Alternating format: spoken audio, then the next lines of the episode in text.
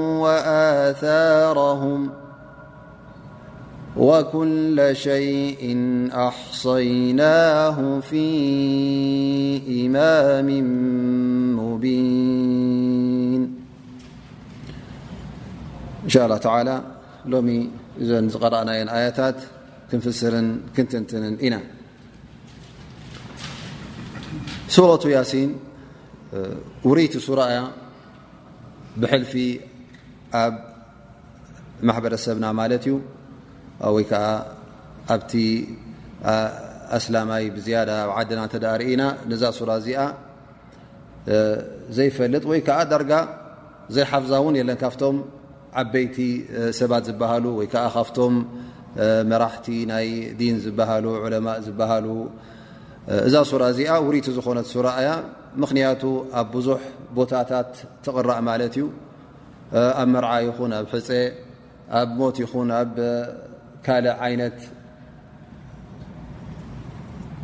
ናይ ዲን ምእካብ እተ ኣሎ ኮይኑ ወይ ከዓ ናይ ማሕበራዊ ነገር እተ ኣሎ ኮይኑ እዛ ሱራ እዚኣ ውሪቲ ዝኾነት ሱራ ትኸውን ማለት እዩ እቲ ኣቀራርኣናታ እውን እተ ርኢና ዝቐርእ ሰብ ብብዙሕ ዓይነት ክቐርዋ ንርኢ ማለት እዩ ተኣኪቦም ንግሆ ኮይኑ ወይ ከዓ ምሸት ድሕሪ ፈጅሪ ኮይኑ ወይ ከዓ ድሕሪ መቕሪብ እዛ ሱራ እዚኣ ፈዲ ስለ ዘለዋ ወይ ከዓ ብልፀት ስለ ዘለዋ ክትቀራእ ኣለዋ ዝብል እምነት ስለ ዘሎ ትቕራእ ማለት እዩ እንተ ደኣ ርኢና እዛ ሱራ እዚኣ ኣብቲ ኣሓዲ ናይ ነቢና ሙሓመድ ለ ላ ለ ወሰለም ተመሊስና ወይ ከዓ ናይ ነቢ ሙሓመድ ص ሰለ ይኹን ናይቶም ብፆት ነቢና ሓመድ صለ ላ ለ ወሰለም ነዛ ሱራ እዚኣ ብሕልፊ ትቕረኣሉን ትንበበሉን ወይ ከዓ ትዝውተረሉን ሰዓታትን እዋናትን ይገብሩ ዶ ነይሮም ኣይገብሩ እንተ ደኣ ርኢና ፈፂምና ነዚ ጉዳይ እዚ መርትዖ ኣይንረኽበሉን ኢና ማለት እዩ ግን ኣሎ ብዛዕባ እዚኣ ሱራ እዚኣ ብዙሕ ናብ ነቢና ሙሓመድ صለ ላሁ ለ ወሰለም ዘፀግዕዎ ሓዲሳት ንረክብ ማለት እዩ ዑለማ ናይ ሓዲ ይብሉ ፍፂሙ ብዛዕባ ሱረት ያሲን እተጠቕሰ ሱራ እተጠቕሰ ኣሓዲ ናታ ብልፀትን ናታ ፈልን ዝጠቅስሲ ቁኑዕ ሓዲ የለን ኩሉ እቲ ኣሓዲ በዛ ሱራ እዚኣ ዝጠቅስ ወይ ሓዲ መውضዕ ሙንከር ማለት ነቢ ስ ሰለም ፈፂሞም ዘይበልዎ ሓሶት ማለት እዩ ውፁእ ሓሶት እንተረኣና ካልእ እውን እንታይ እዩ ሓዲ ضዒፍ ይኸውን ማለት እዩ ዓላ ደረጃት ምን ኣضዓፍ ኣብቲ ስንፈትን ድኽመትን ናይዚ ሓዲስ እዚ እውን ብደረጃታት ይኸውን ማለት እዩ ስለዚ ብዛዕባ ነዛ ሱራ እዚኣ ፍልይ ኣቢሉ ወሳኒ ኮይኑ ኣብዚ ሰዓት እዚ ትንበብያ ወይ ከዓ እዚ ዓይነት እዚ ብልፀት ኣለዋ እዚ ዓይነት እዚ ፈድሊ ኣለዋ ዝብል ቁኑዕ ሓዲስ የለን ይብሉ ማለት እቶም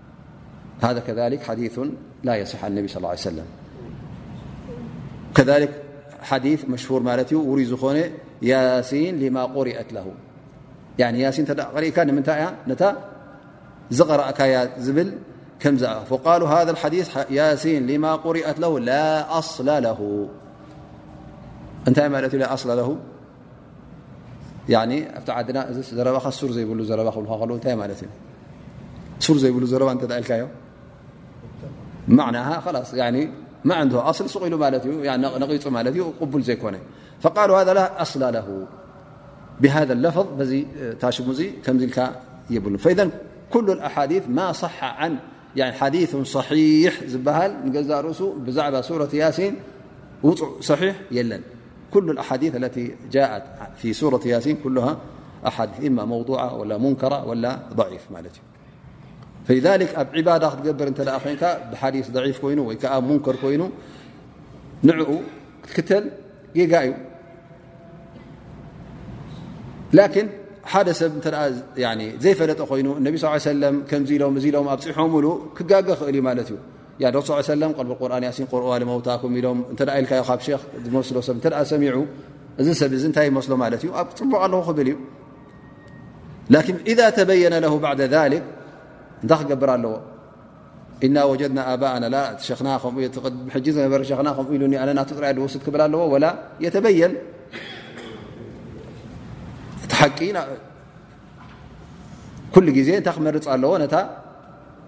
ሓቂ ክመርፅ ዘለዎ ዳኣ እምበር እንተ ጥራይ ፀኒሑና ዩ ኣብቲ ህብረተሰብና ዝውቱር ዝኾነ ከመይ ገረ ገድፎ እዚ ዳኣ ኣቦታትና ዝገብርዎ ዝነበሩ እንዲኦም እታ ኮይኑ ሕጂ ሓድሽ ዕልሚ ወይ ከዓ ሓድሽ ፍልጠት ሓድሽ ዕልሚ ሓድሽ ፍልጠት ዝበሃል የለን ዕልሚ እንተ ክትፈልጥ ደሊኻ ክትመሃር ደሊኻ እቲ ዕልሚ ካብ ሰብ ካብ እከለን እከልና ኣይኮነን ዝስማዕ እቲ ክታብ ቁርን ኣሎ ማለት እዩ ኣልሓምዱሊላህ ክሳዕ ሎሚ ካብ ነቢና ሓመድ ለ ላ ለ ወሰለም ጀሚሩ ክሳዕ እዚ ሎም እዚ እዚ ቁርን እዚ ተሓልዩ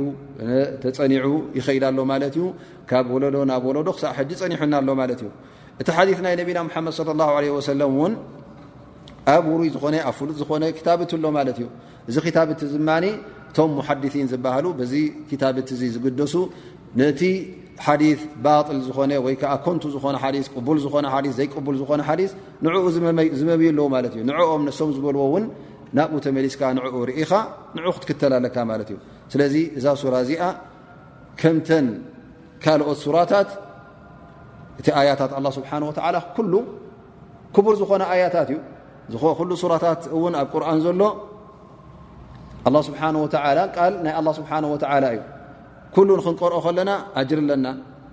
ብኩል ሓርፊን ዓሽር ሓሰናት ኣብ ዝኾነ ሓርፊ ክንቀርኦ ከለና እንታይ ኣለና ማለት እዩ ዓሰርተ ሓሰናት ኣለና ማለት እዩ ብዛዕባ ሱረት እክላስ ዝመፀ ቅኑዕ ዝኾነ ሓዲስ ኣሎ ብልፀት ናይ ሱረት እክላስ ናይ ቁል ላ ውሓ ዝነገር ናይ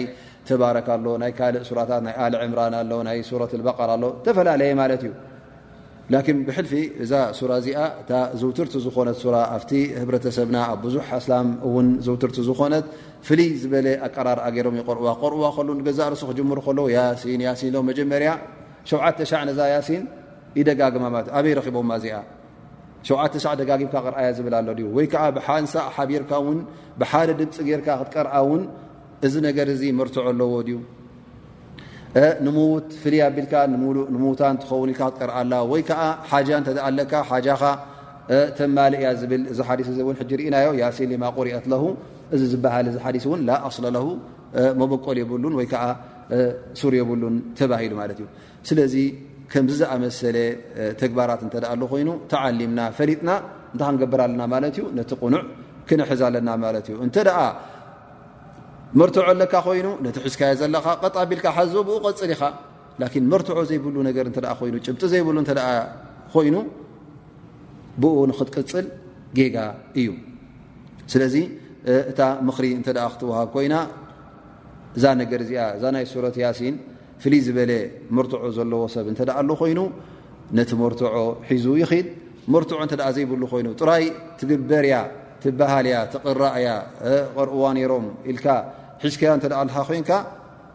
ካብዚ ይገብርዎ ነይሮም ዝበሃል ወይ ከዓ ፀኒሑኒ እዩ ዝበሃል ፅባሕ ንግሆ ኣብ ቅድሚ ኣላ ስብሓን ወተላ ኣይክጠቕመካን እዩ ኣላ ስብሓን ወተላ ዕድል ሂቡካ ኣሎ ሕጂ ንክትመሃር ንክትፈልጥ ዓቕሊ ሂቡካ ኣሎ እቲ ጌጋን እቲ ቕኑዕን ንኽትመምየሉ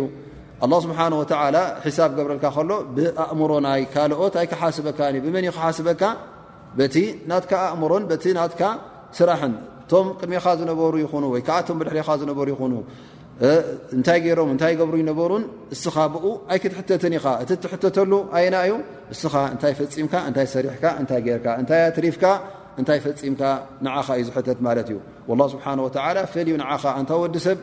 ኣእምሮ ሂቡካ ኣሎ ማለት እዩ ወሃደይና ነጅደይን እቲ መገዲ ቅንዕናን መገዲ ጥፍኣትን እቲ መምየሉ ዓቕሊ ሂቡካ ኣሎ እቲ እስልምና እውን ከምቲ ኣላ ስብሓ ወላ ዝነገረና ብዕልምን ብፍልጠትን ኢኻ ትወስዶ ዳኣ እምበር ብወለዶ ዝውረስ ኣይኮነን ናይ ኣቦኻ ናይ ኣቦሓጎኻ ወይ ከዓ ናይ ህብረተሰብካ ናይ ካልእ ፀኒሑ ኒ ኢልካ እትወርሶ ኣይኮነን እንታይ ደኣ ብፍልጠትን ብኣእምሮን እቲ ቐስሞ ኮይኑ ድሕሪኡ መርገፅ ትውስን ማለት እዩ ስለዚ እዚ ነገር እዚ ንኩላና በሪሁ ንክኸውን ተስፋ ይገብር እዛ ሱራ እዚኣ ሱረቱ ያሲን ሱረቱን መክያ ኣብ መካ ዝወረደት ሱራ እያ እቲ ኣያታት ናታ ውን እተ ርእናዮ ሕፅር ሕፅር ዝበለ ኣያታት ይኸውን እነተቀላጠፈ ይመፅእ ማለት እዩ እዛ ሱራ እዚኣ ካብታ ዝሓለፈት ሱራ ክንሪኣ ከለና ካብኣ ዝነእሰት ትኸውን ግን ቁፅሪ ናይ ኣያታት ናይዛ ሱራ እዚኣ 83 ይኸውን ማለት እዩ ሱረት ፋጥር ግን 4ሓሙሽተ እያ መዓኒ ሱረት ፋጥር እንታይ እያ እሳ ትነውሕ እተ ብገፅ እተ ሪእኻያ እሳ ትነውሕ ላኪን እዛ ሱራ እዚኣ ኣላ ስብሓን ወተላ እቲ ኣያታት ናታ እንታይ ገይርዎ ማለት እዩ ኣሕፅር ኣሕፅር ኣቢሉ እናተቀላጣጠፈ ኣብ ሓድሽ ኣብ ሓድሽ ጉዳይ ኣእትወካ ማለት እዩ እዚ እውን ኣብቲ ኣብ መካ ዝወርድ ዝነበረ ሱራታት መብዝሕቱ ብከምዚ ዓይነት እዚ ይወርድ ነይሩ ትሕዝቶ ናይዛ ሱራ እዚኣ እውን ከምቲ ኩሉ ግዜ እንጠቕሶ ትሕዝቶ ኣብ መካ ዝወርድ ዝነበረ ኣያታትን ሱራታትን ብዛዕባ ናይ ጉዳይ ናይ እምነት ናይ ዓቂዳ ይኸውን ማለት እዩ እቲ ቀንድታት ናይ ዓቂዳ ንዕኡ ዝምስርት ኣያታት እዩ ዝወርድ ነይሩ እዛ ሱራ እዚኣ ኣብቲ መፈለምታ መጀመርያ እንተ ርእና ቀዳምነት ብምንታይ ጀሚራ ማለት እዩ ብጉዳይ ናይ ኣላ ስብሓን ወተዓላ ዘውርዶ ዋሓይ ናይ ዋይ ኣላ ስብሓን ወተዓላ ንዕኡ ጠቒሳ ናይ ሪሳላ ናይ መልእኽቲ ናይ ነቢና ሙሓመድ ለ ላሁ ለ ሰለም ቁርን ኣላ ስብሓን ወተላ ዘውረዶ ከም ምኳኑ ነቢና ሙሓመድ ለ ላሁ ለ ወሰለም እውን ልኡኽ ከም ምኳኖም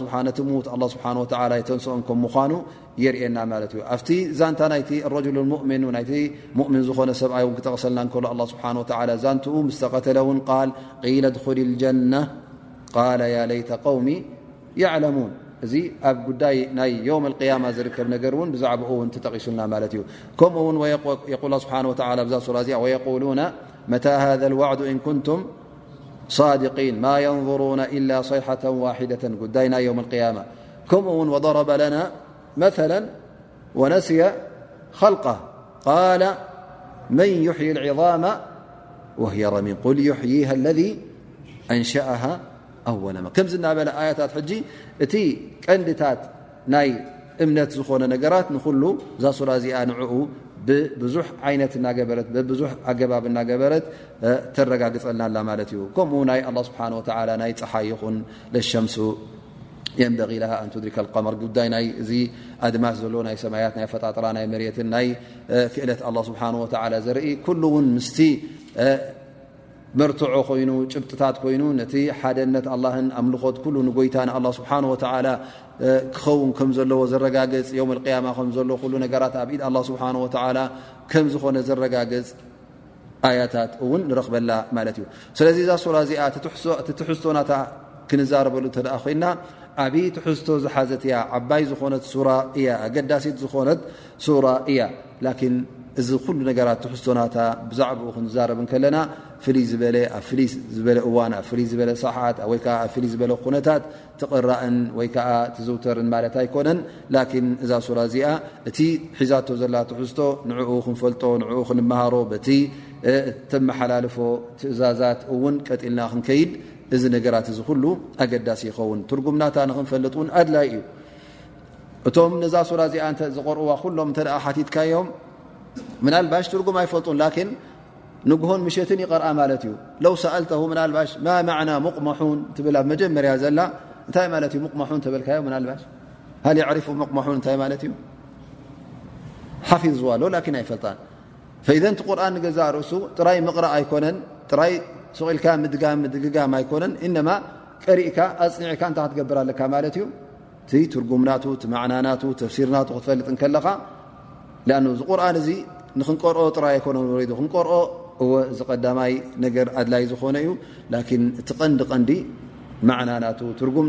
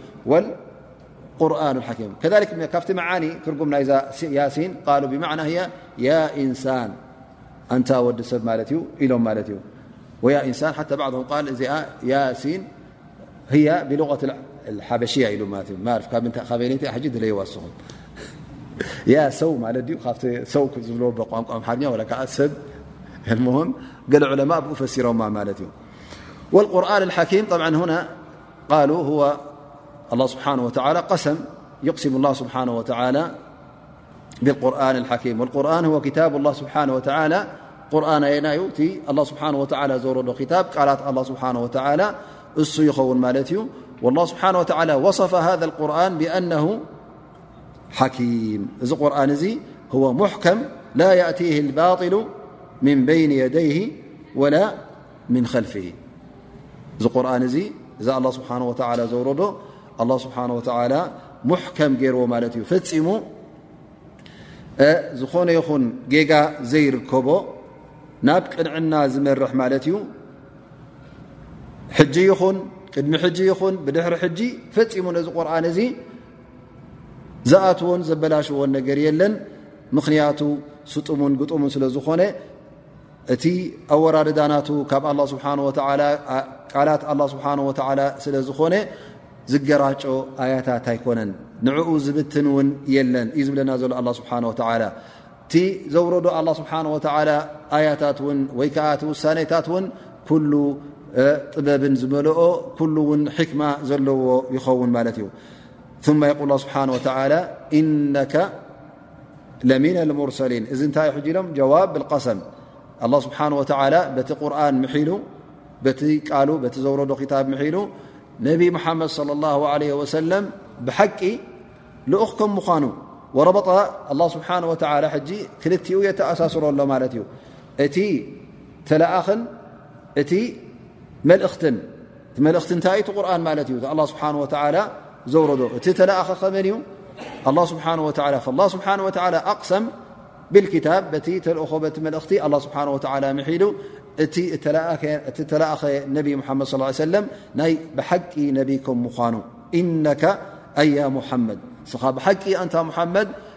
ለሚነ ልሙርሰሊን ካብቶም ልኡኻን ኣላ ስብሓን ወተዓላ ዝመርፀካ ልኡኽ ኢኻ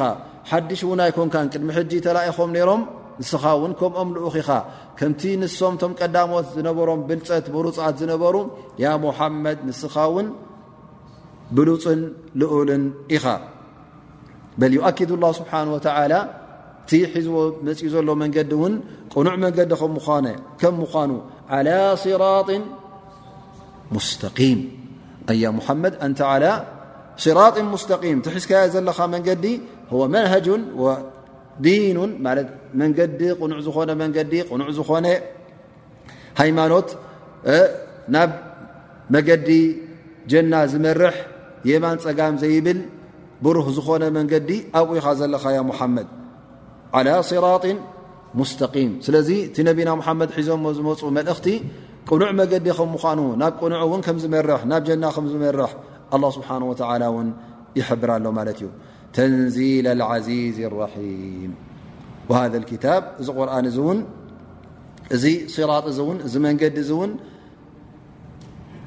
መን ዘውረዶ እዩ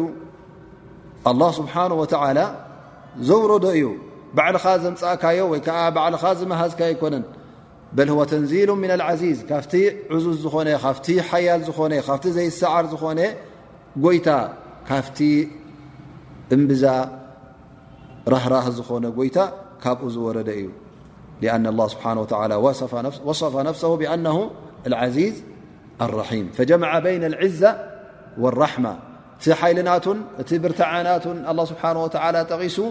ምስኡ እውን ኣላ ስብሓን ወተላ እምብዛ ራህራህ ከም ምኳኑ ነቶም ሙእምኒን ነቶም ዝኣመኑ ከም ዝርህርሃሎም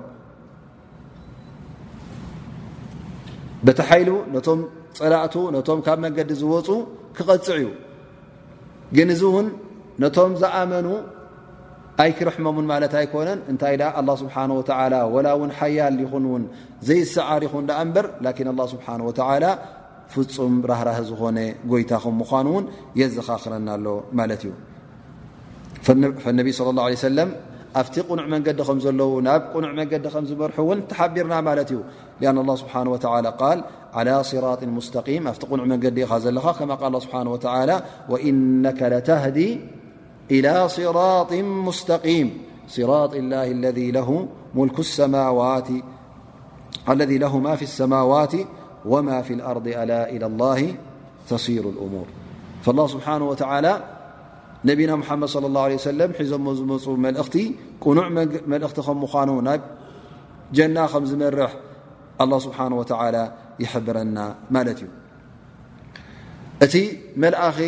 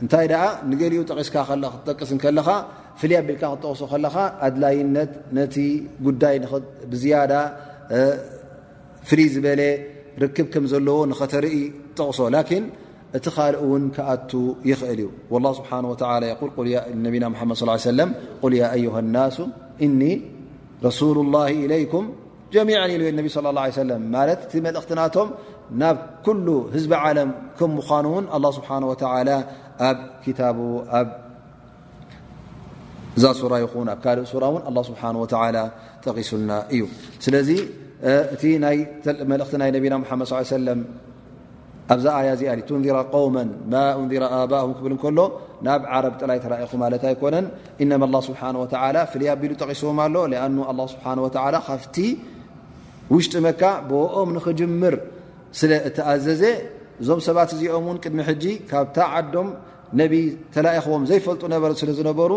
በዚ ኣላ ስብሓን ወተላ ንዕኦም መዝዩ ዝፈልዩ ጠቒስዎም ማለት እዩ ላኪን እዞም ሰባት እዚኦም ከምቲ ኣላ ስብሓን ወተላ ዝሃቦም ብልፀት ካብኦም ነቢ ልኢኹ ኣብ ክንዲ ነዚ ሓቂ እዚ ዝቕበልዎ እንታይ ክገብሩ ተረኺቦም ማለት እዩ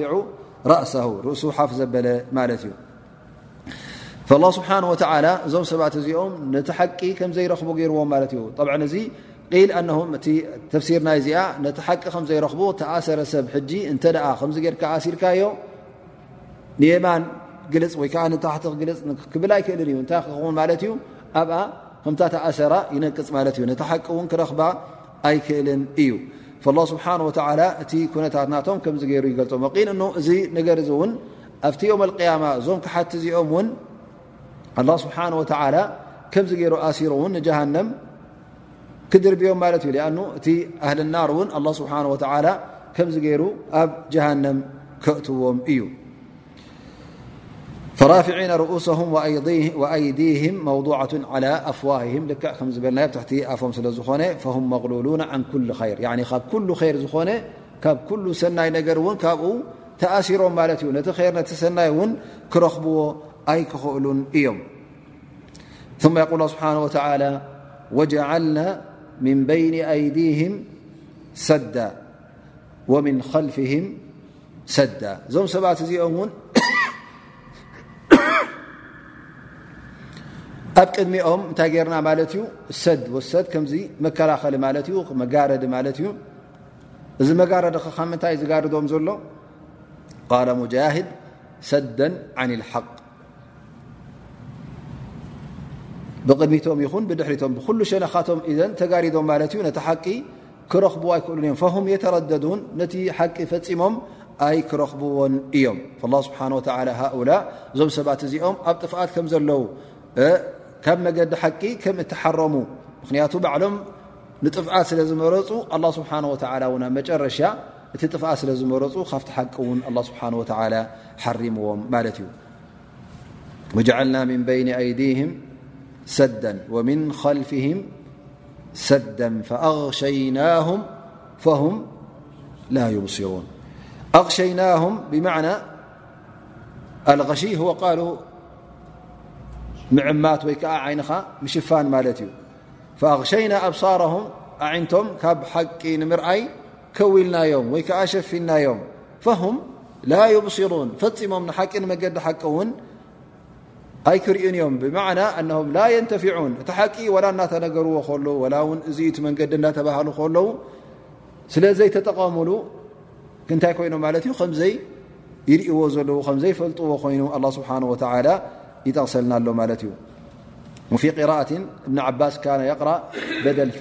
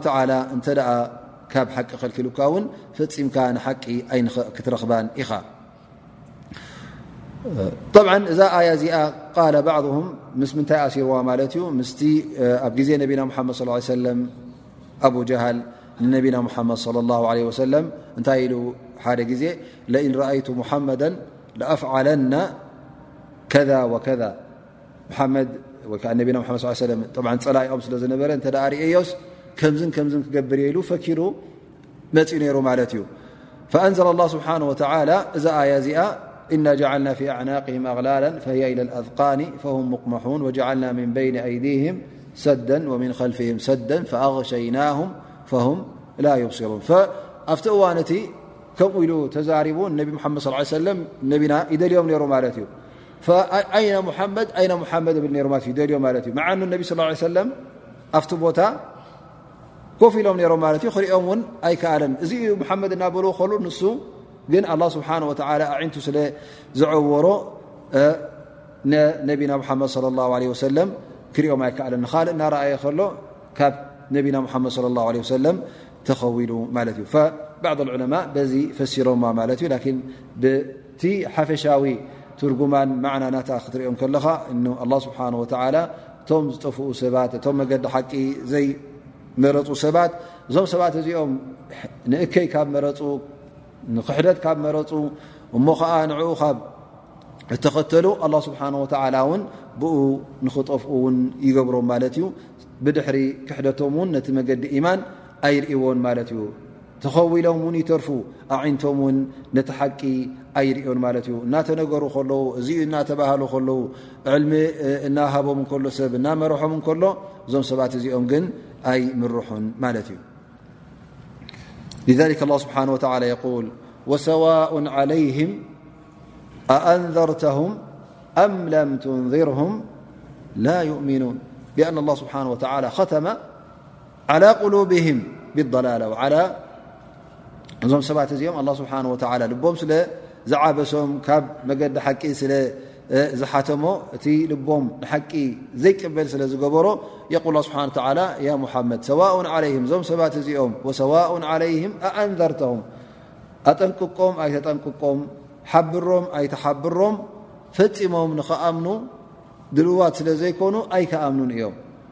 ኣ እናሰምዕዎ ከለዉ ፀማም እዚ እተ ዝህቡ ኮይኖም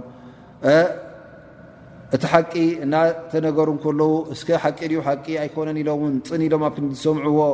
ነቲ መርትዖታት ን ኣብ ክንዲ ዝርዩ ነቲ መርትዖ ፈፂሞም ልቦም ስለ ዘይሃቡ እሞ ድልዋት ኣይኮኑን ሓቂ ንኽኽተሉ ላ ስብሓ ወ ይብል እዞም ሰባት እዚኦም ኩሉ ሓዲኦም እዩ እቲ ሓቂ እናተነገሮም ከለዉ ካብ ዘይተጠቐምሉ ፈፂሞም ኣይከኣምኑን እዮም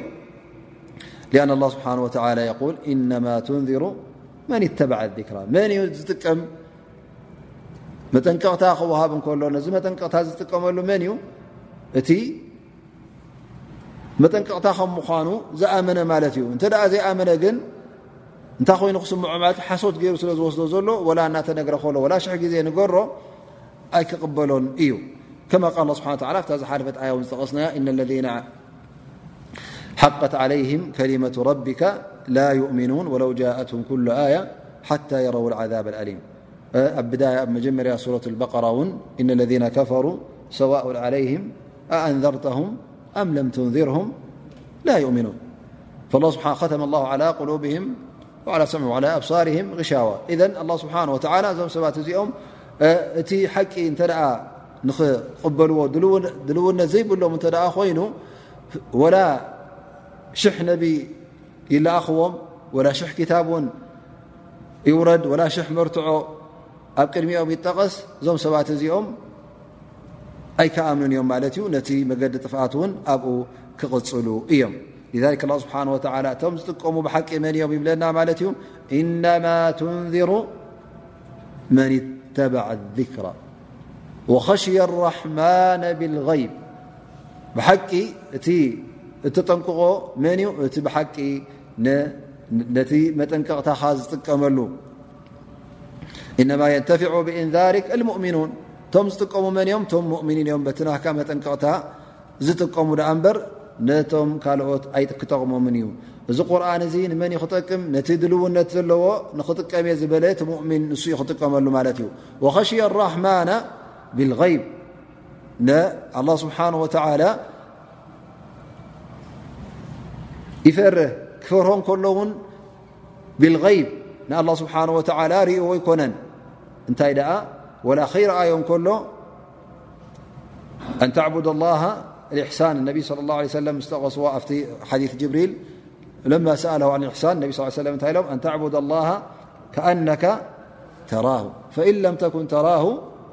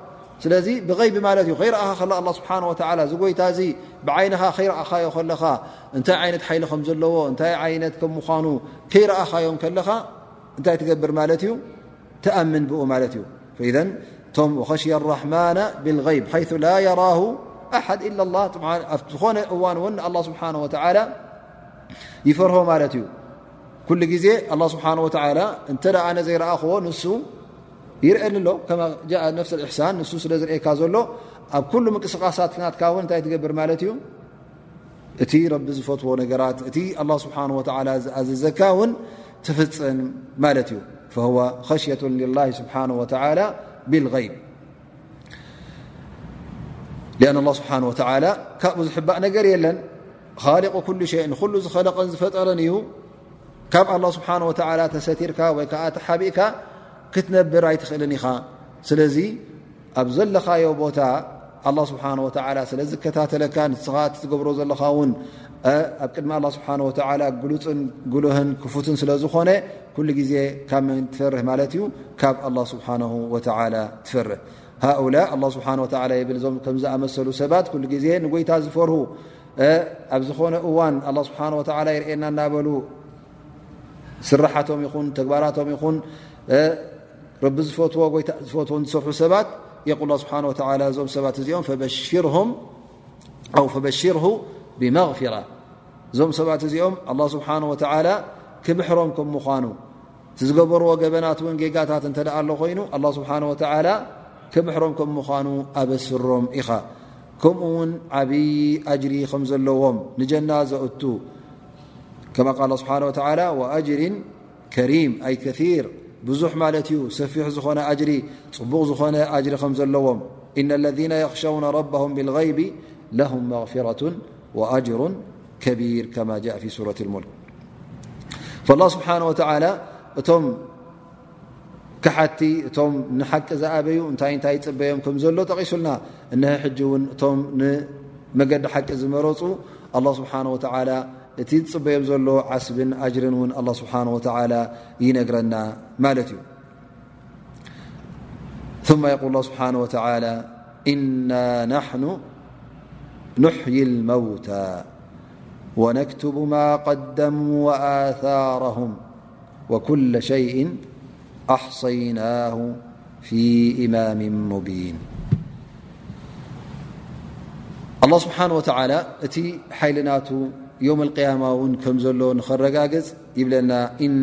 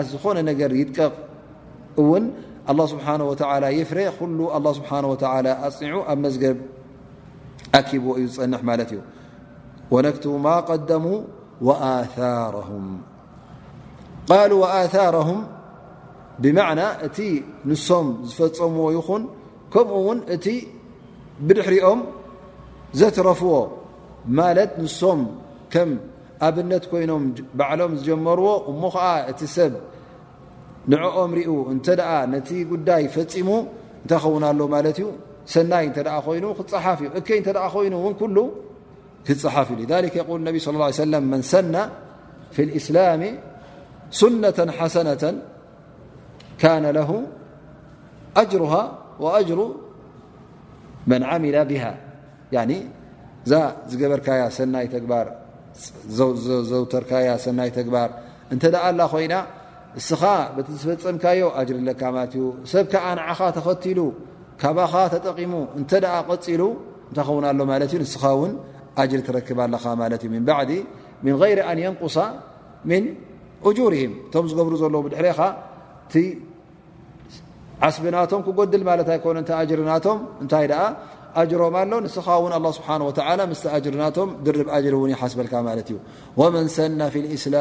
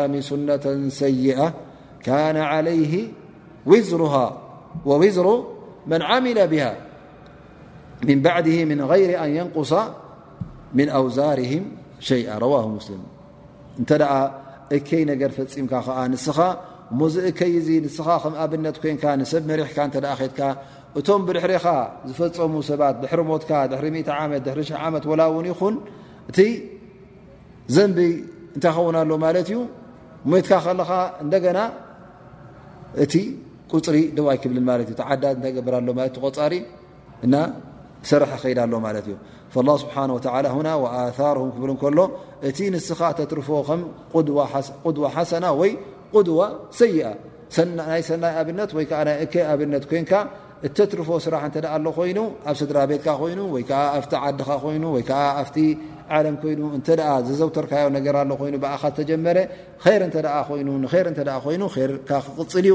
እከይ እተ ኮይኑ እቲ እከይ ውን ከም ዝቕፅል ኣ ስብሓ ወላ የብርሃልና ማለት እዩ ነክትቡ ማ ቀደሙ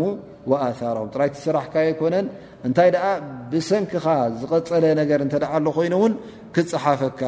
ማለት እዩ ነቢ ስ ሰለ የል ኢዛ ማተ እብኑ ኣደም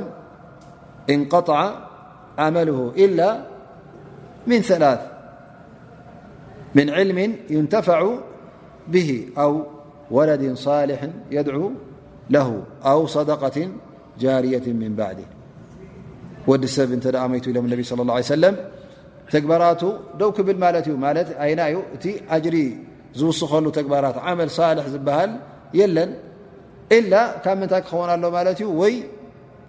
ዘትረፎ ፍልጠትን ዕልምን እተ ኣሎ ኮይኑ ዘምሃሮም ሰባት ኣለዉ ኮይኖም በቲ ተማሃርዎ ካብኡ እቲ ትምህርቲ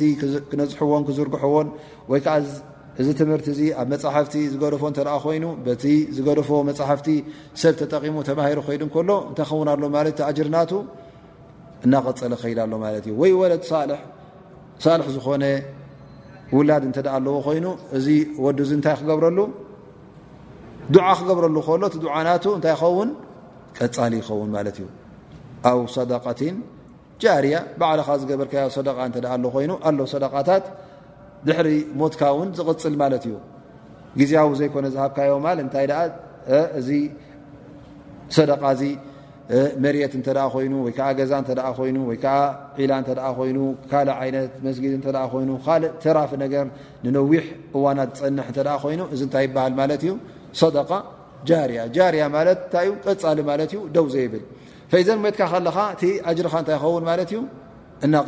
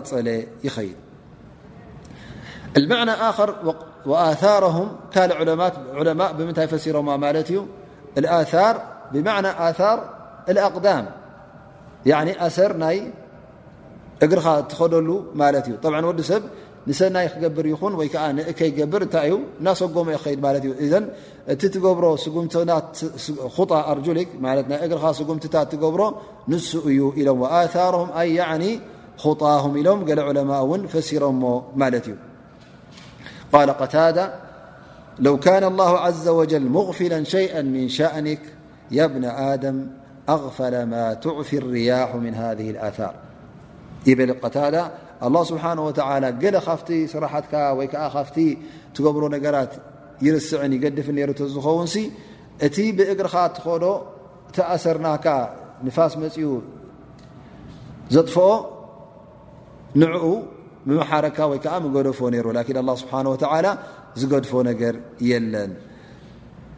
ብዓ ዝኾነ ሰብ እንተ ንማዕስያ ኮይኑ ንሰናይ ኮይኑ ዝኸዶ ዝወስዶ ስጉምትታት እዚ ኣብ ምንታይ ይኣቱ ማለት እዩ ኣብ ስራሑ ኣብቲ ፀብፃብ ይኣቱ ማለት እዩ ረዋ ኢማሙ ኣሕመድ ን ጃብር ብኒ ዓብድላ ረ ን رضي الله عنهما قال خلت البقاع حول المسجد فأراد بنو سلم أن ينتقلو قرب المسجدلرسولالله صلى الله عليه سلمفال لهم إنه بلغني أنكم تريدون أن تنتقلوا